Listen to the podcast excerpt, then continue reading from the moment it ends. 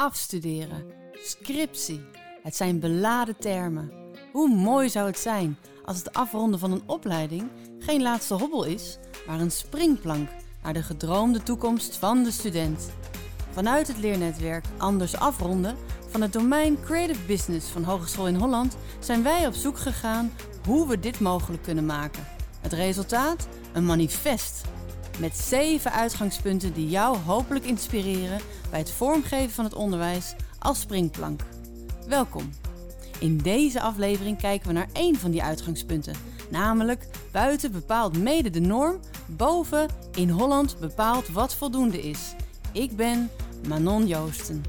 Wat waren je eerste gedachten toen je hoorde buiten bepaalt mede de norm, boven in Holland bepaalt wat voldoende is?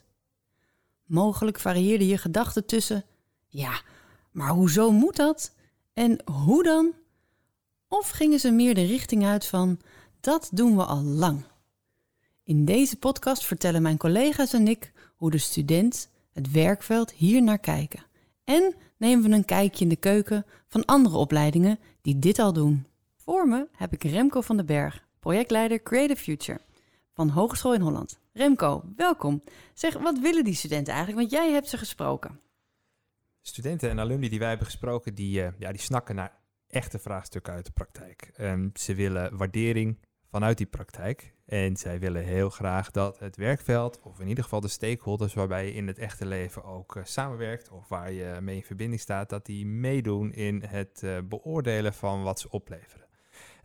En ze zeggen dus eigenlijk heel stellig, ze willen losbreken van het beoordelingsformulier dat een hogeschool vooral bepaalt. Mm. Daar hebben wij uh, een heel mooi gesprek over gevoerd met een vrij grote groep studenten en alumni van verschillende opleidingen. En je zegt wij, wie, wie, wie heb je meegenomen? Ik heb dat samen gedaan met collega Annette van der Zee, docent van Leisure Management bij Hogeschool in Holland, en met associate lector Koos Zwaan. Aha, en jullie hebben, hen, jullie hebben de studenten en alumni gesproken in verschillende rondes of allemaal bij elkaar? Um, in verschillende rondes, eigenlijk in, uh, in, in, zogenaamde panelgesprekken. We hebben hen vragen voorgelegd, we hebben hen voorbeelden voorgelegd en aan de hand van die voorbeelden en vragen uh, zijn we in gesprek gegaan. En wat je in dat gesprek uh, tegenkomt is dat niet iedere student een, eenzelfde soort ervaring heeft. Ehm, maar dat ze allemaal aangeven dat bepaalde momenten in hun opleiding ja, dat waren van die doorbraakmomenten voor hen. En dat waren de momenten waarop het werkveld of een opdrachtgever meedeed ehm, in het vraagstuk. Um, dus de, van degene die ervaring hadden met, uh, met, uh, met een partner die echt vroeg in het proces bijvoorbeeld aangaf: hey, waar je nu aan werkt, dat is het niet. Begin maar opnieuw. Nou, dat, dat, dat, dat lijkt natuurlijk eng en is stevig, maar daarvan geven de studenten aan: dat is wel waar, waar het om gaat. En dat waarderen ze juist enorm. Ja, dat dat werkveld, dat durft gewoon te zeggen waar het op staat. En die kijkt ook met een ander perspectief naar zo'n prototype of naar zo'n eindproduct. En die zegt gewoon van, ja, sorry, begin opnieuw, zoals jij dat uh, zegt. Ja. Nou, dat klinkt, eh, klinkt wel eng inderdaad. Maar, en hoe is dat met die opleiding? Wat is daar dan wel ruimte voor? En wat, hoe zien ze dan die, hoe zien zij dat dan, die studenten? Nou, dat geven studenten, dat geven ze aan. En ik denk dat we daar uh, in onze hogeschool ook uh, ja, stappen in zetten, um, maar nog niet altijd zijn. Um, we hebben best wel bepalende beoordelingsformulieren vaak, die we uiteraard op basis van landelijke profielen wel vastgesteld hebben, maar dat, dat, dat werkveld dat beweegt zo snel mm en, en vraagt eh, op momenten hele andere dingen van een student dan wij toetsen. En daar zit gewoon een, een gap die een student ook ziet en voelt. En um, nou, mooie momenten, zo gaf een student terecht aan, uh, die was op stage geweest, kwam in een, in een omgeving die heel snel gaat, waarin veel stakeholders iets van haar vonden of van haar uh, tussenproducten. En gaf eigenlijk aan, ja, zodra ik weer op school kwam, dacht ik, ja, waar, waar, waar zijn we eigenlijk hiermee bezig? Waar doe ik het hiervoor? Dit lijkt op geen manier op de, op de buitenwereld. Dus ze snakken naar die verbinding die we op heel veel plekken al heel goed inbrengen in het onderwijs. Ja, en dat ze echt die van toegevoegde waarde zijn. En dat ze dat ook eigenlijk dus direct horen van het werkveld. Maar is het dan dat ze het aan het einde een keertje moeten horen? Heeft de student daar nog iets over gezegd van Gaan we, gaan we het werkveld dan helemaal aan het einde inzetten of is dat ook op andere plekken? Het liefst zien ze dat vanaf de start. Hm. Uh, ze geven, nou, een van die quotes van hartstikke mooi, maak uh, genoeg ruimte, ook binnen de opleiding, om echt op je bek te gaan. Ja. Uh, dus dat, dat je echt leermomenten maakt van, nou ja, eikmomenten of toetsmomenten, dus het liefst zien zij opdrachtgevers of het werkveld vanaf jaar 1 meedoen in de vraagstukken waar ze aan werken. Ja, en dat het dan verschillende momenten zijn dat ze terugkomen. niet alleen over een jaar, maar ook waarschijnlijk binnen een periode. Zeker, ja. En daar, daar kan je natuurlijk in verschillen. Dus daar kan je als, als onderwijs in kiezen of je een opdrachtgever eens een keer aan het begin, in het midden en aan het eind doet. Of echt als een partner ziet in dat hele feedbackproces en, en misschien gewoon wel dagdagelijks contact maakt. Ja, mooi. Dankjewel Remco voor de stem van de student. Het werkveld. Niet zo divers als het werkveld. En toch waren er ook wel overeenkomsten. Jaap van der Grinten, docent bij de opleiding Communicatie van in Holland, komt net onze kamer in. Welkom Jaap.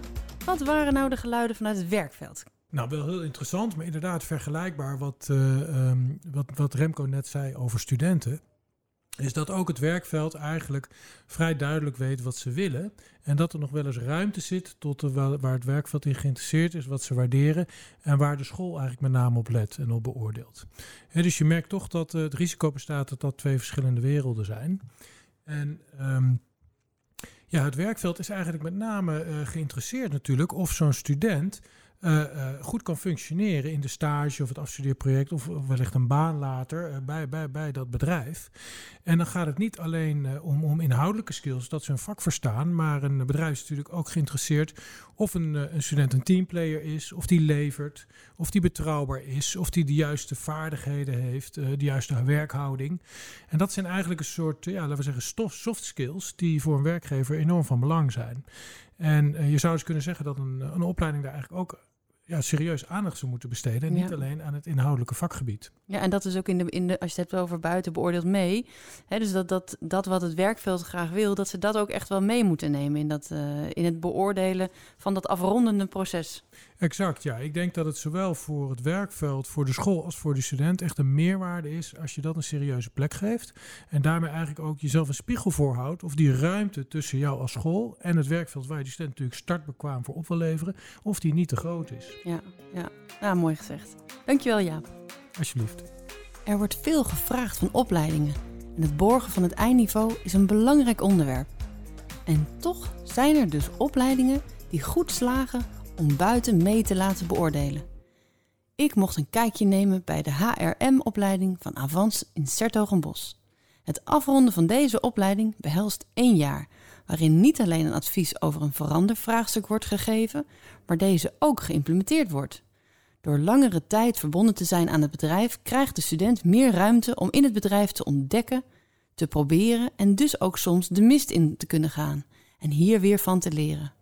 Het geeft ook meer ruimte om andere medewerkers echt te betrekken in het vraagstuk, in plaats van alleen bij de opdrachtgever het probleem te achterhalen. Het verlangen is dat als de student klaar is met zijn afstudeertraject, hij echt een beweging heeft veroorzaakt binnen het bedrijf. En wie kan dit beter beoordelen dan het bedrijf zelf? Maar hoe doen ze dit?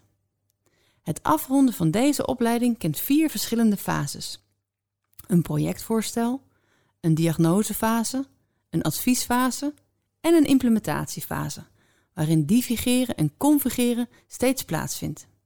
Daarnaast loopt onder andere ook een studieloopbaantraject met een bijbehorend portfolio. En elke fase levert een student een inhoudelijk product, een verantwoording en zijn reflectie in en voegt bijlagen van gesprekken toe. Niet heel veel bijzonders denk je wellicht nu, maar nu komt het. Een fase wordt steeds afgesloten met een driegesprek tussen student, docent en opdrachtgever. Er zijn in totaal vier gesprekken. En in het driegesprek krijgen ze gezamenlijk terug. Ze kijken naar het resultaat en bespreken de vervolgstappen en stemmen de verwachtingen af. Voorafgaand aan zo'n gesprek zijn alle producten al van feedback voorzien en heeft de student dit ook al kunnen inzien. En dan hebben we ook nog mogen gluren bij een andere buur, namelijk de TU Eindhoven Innovation Space en dan het Bachelor End project. Tegenover me heb ik Guido Stomf, lector Design Thinking aan Hogeschool in Holland. Guido, welkom. Jij hebt met hen gesproken. Wat heb je daar uh, gezien en gehoord?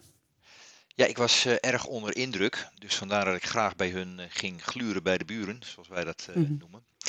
En wat je ziet is, het is een hele innovatieve leeromgeving op de TUE. De TU Eindhoven.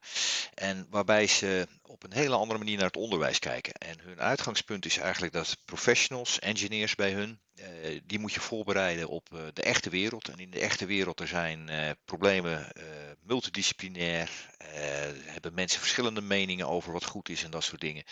Dus dat zijn geen kant-en-klare, keurige, voorbereide opdrachten. En dat willen ze die studenten leren. En dat doen ze in, bij de END project van hun bachelor. Werken uh, teams van studenten, multidisciplinaire teams. Dus mensen vanuit de IT, studenten vanuit uh, werktuigbouw, studenten bouwkunde bij wijze van spreken. Die werken samen aan challenges waar echt een technologisch karakter in zit en die maatschappelijk relevant zijn en die bewust te groot zijn. En dan moet je denken aan een challenge, zoiets als een, een low-cost manier om CO2 uit de lucht eh, te filteren. Nou, wat die mhm. studenten daar moeten doen, is dat ze zelfstandig gaan bekijken van wat gaan wij daarin doen? Wat kunnen wij daarin doen? Welke kennis hebben we? Dus ze moeten er zelf een probleemsetting doen. Ze moeten er zelf met oplossingen komen. Ze gaan daar dingen voor ontwerpen. Ze moeten het prototypen. En uh, uiteindelijk uh, leveren ze dat op als team. Nou, en dat lijkt natuurlijk als twee druppels op de echte wereld van de omgeving mhm. van de TU Eindhoven. Ze hebben hier de Hightech Campus, je hebt hier bedrijven als ASML. En daar is dit aan de orde van de dag. Dus zij leiden echt uh, professionals op ehm, om, om ja, helemaal klaar voor wat er in de echte wereld gebeurt.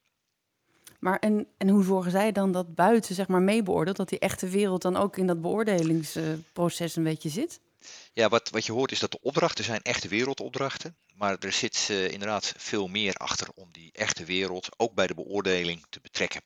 Mm een van de problemen waar ze tegenaan liepen, ik heb uh, gesproken met meerdere mensen van het uh, programma, zowel onderzoekers, maar ook programmamanagers.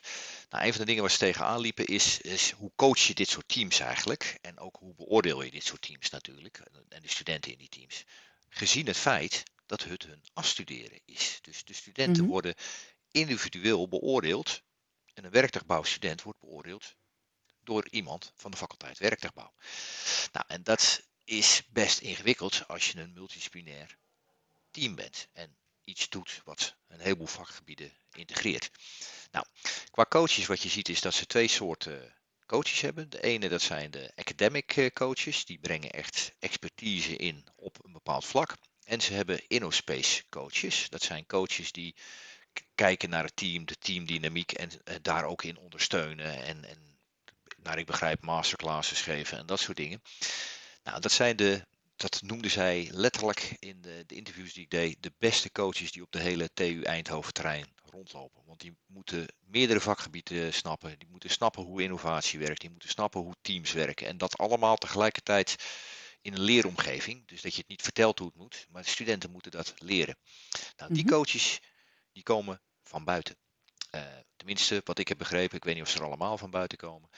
Die halen ze hier vanuit de omgeving van die bedrijven die hiermee bezig, uh, die, die ook met dit soort technologische uitdagingen bezig zijn.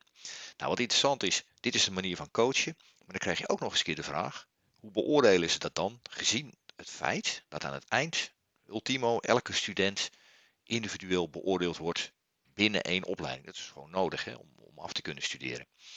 Nou, dat lijkt me wel lastig inderdaad. Dat is een hele lastige. En daar zijn ze ook naar aan het zoeken. Daar zijn ze ook nog niet helemaal uit. Dat is, dat is een uh, ongoing proces. Ze zijn al enkele jaren bezig, naar ik begreep. En ze hebben al een behoorlijk wat ingrepen gedaan. Maar wat ik persoonlijk het meest inspirerend vond, is dat ze aan het eind weliswaar een summatieve toetsing, toetsing hebben door iemand van de faculteit. Maar dat ze gedurende het project een aantal formatieve toetsingen hebben. En dat noemen ze mhm. alignment meetings. En wat ze daar doen, is dan komen de studenten samen, de coaches komen samen, hè, dus de academic coaches en ook de academic assessoren, maar ook die Inno uh, uh, Space coaches en de challenge owners. Dus dat zijn de bedrijven die een challenge hebben ingebracht. Hè. Dus dat kan een start-up zijn hier in de omgeving, of misschien zelfs een groot uh, bedrijf. Maar het kan ook trouwens een researcher zijn die een, een bepaalde onderzoeksvraag heeft. En die zitten bij elkaar en die horen dat aan. En die moeten daar met elkaar in die alignment meetings gaan bepalen van is dit wat we verwachten? Gaan we de goede kant uit? Waarom vinden we dit goed? En daar ontstaan dus standaarden waar zowel de studenten als de coaches wat aan hebben om uiteindelijk te beoordelen van is dit goed genoeg ja of nee. Als de mensen is dat dan één keer, Guido? Nee, ze doen dat vier keer. Goeie vraag, uh. Mm. Het zijn vier keer. Ze hebben daar een uh, straffe heartbeat in, mag je wel zeggen. Dus mm. gaandeweg dat proces, dat project, 15 EC-project, uh, by the way, ontstaat eigenlijk van zijn we goed bezig, ja of nee. En daarmee krijg je echt voor elkaar dat buiten meebeoordeelt. Want je hebt de challenge owner erbij, je hebt de InnoSpace coaches erbij die heel veel kennis van buiten hebben. Dus Daarmee ontstijg je het monodisciplinaire karakter van één assessor die op één gebied expertise heeft. Ja, hebben ze daar dan ook gewoon uh, vaste uh, beoordelingsaspecten aan, waar die ze dan altijd langs lopen? Of, of houden ze dat wat open? Hoe, hoe doen ze dat soort uh, sessies? Dat is een hele goede vraag, Manon, en daar zou ik het antwoord ook niet op weten. Dus dus daar moeten we nog eens even verder vragen. Daar moeten we nog eens eventjes verder op. ik weet wel. Maar er zitten ook wat onderzoekers, geloof ik, bij zijn bezig, hè? En dat is het interessante. Wat je ziet is dat ze dat zo serieus nemen dat ze postdoc onderzoekers alleen maar op deze hm. vraag hebben zitten. En natuurlijk kun je die mhm. vraag niet ontwarren, het assessment van andere dingen, maar ze zijn zich hartstikke bewust dat je voor deze innovatieve nieuwe vorm van leren ook innovatieve nieuwe manieren van assessment moet gaan krijgen. Hoe kan je die, want we hebben het eigenlijk over 21st century skills, hoe kan je die eigenlijk beoordelen en hoe verhouden die zich tot bijvoorbeeld competenties uh, die, die gaan over de monodisciplinaire dingen. Uh, de, de, de, dus weet ik wel genoeg van werktuigbouwen, bij wijze van spreken, om af te kunnen studeren. Hoe verhouden die dingen zich? Nou, daar zijn ze hard mee aan het zoeken en dingen aan het proberen. En ik vind het buitengewoon interessant dat ze daar letterlijk onderzoekers op hebben zitten. Ja, precies, ja. Want je, je, als je kijkt naar uh, hoe, ze hoe ze aan het einde, zeg maar, dan, stel een student heeft zo'n project gedaan, uh, en die wordt dan beoordeeld uh, vanuit, vanuit werktuigenbouwkunde. Uh, ja, is die beoordeling een beetje gelijk aan die studenten die dan het misschien niet in zo'n in die uh, InnoSpace End Project hebben gewerkt? Nou, dat is een, dat is een hele goede vraag, Manon. Want wat ik begreep van de, van de onderzoekers daar, is dat in eerste instantie lijkt het alsof de InnoSpace studenten lager scoren. En dat hmm. komt omdat je als je een meetlat neemt monodisciplinaire meetlat en je houdt die langs een student die dus in een team heeft gewerkt, dan is dat stukje kennis wat daar wordt ontwikkeld, het monodisciplinaire stukje kennis, is natuurlijk wat kleiner dan bij een student die in diezelfde periode een compleet voorgekookte opdracht krijgt aangereikt van een mhm. onderzoeker of van een professor, waarmee die zo kan starten en wat maar over één aspect gaat van ja, zijn professionele latere leven. Dus die, die lijkt daar veel meer diepgang mee te, eh, te krijgen. En desondanks vertelden ze mij dat eigenlijk iedereen die betrokken is bij dit programma, blijkt ook wel uit het feit dat zij Nederlandse en Europese prijzen winnen voor hun uh, onderwijsprogramma. Dat, is, dat zegt wat. Mm. Ja, dus dit, daar gebeuren hele bijzondere dingen. Maar iedereen is er eigenlijk over eens dat die studenten groeien heel hard. Die leren heel veel. En dat is dus moeilijk te assessen. Als je de oude meetlat pakt, dan lijkt het alsof ze het slecht doen. Maar er is helemaal niemand die twijfelt dat deze studenten niet veel meer leren dan dat je met die oude meetlat kan meten. Mooi. Nou, dus die heartbeats en die, en die meetlat, dat je anders kijken naar die beoordeling, naar andere aspecten. Dat is wel, uh, nou, dat zijn mooie inzichten die je hebt opgedaan. En dat dan van de winnaar van het meest innovatieve onderwijsprogramma van Europa van dit jaar. Dankjewel Guido. Top. Dus, als ik het voor je mag samenvatten, buiten mee te laten beoordelen, onthoud dan 1. Het inbrengen van het perspectief van het werkveld is motivatieverhogend voor de student en het verrijkt de begeleiding en beoordeling doordat het werkveld echt op andere zaken let. En onthoud, dit ontstaat niet zomaar.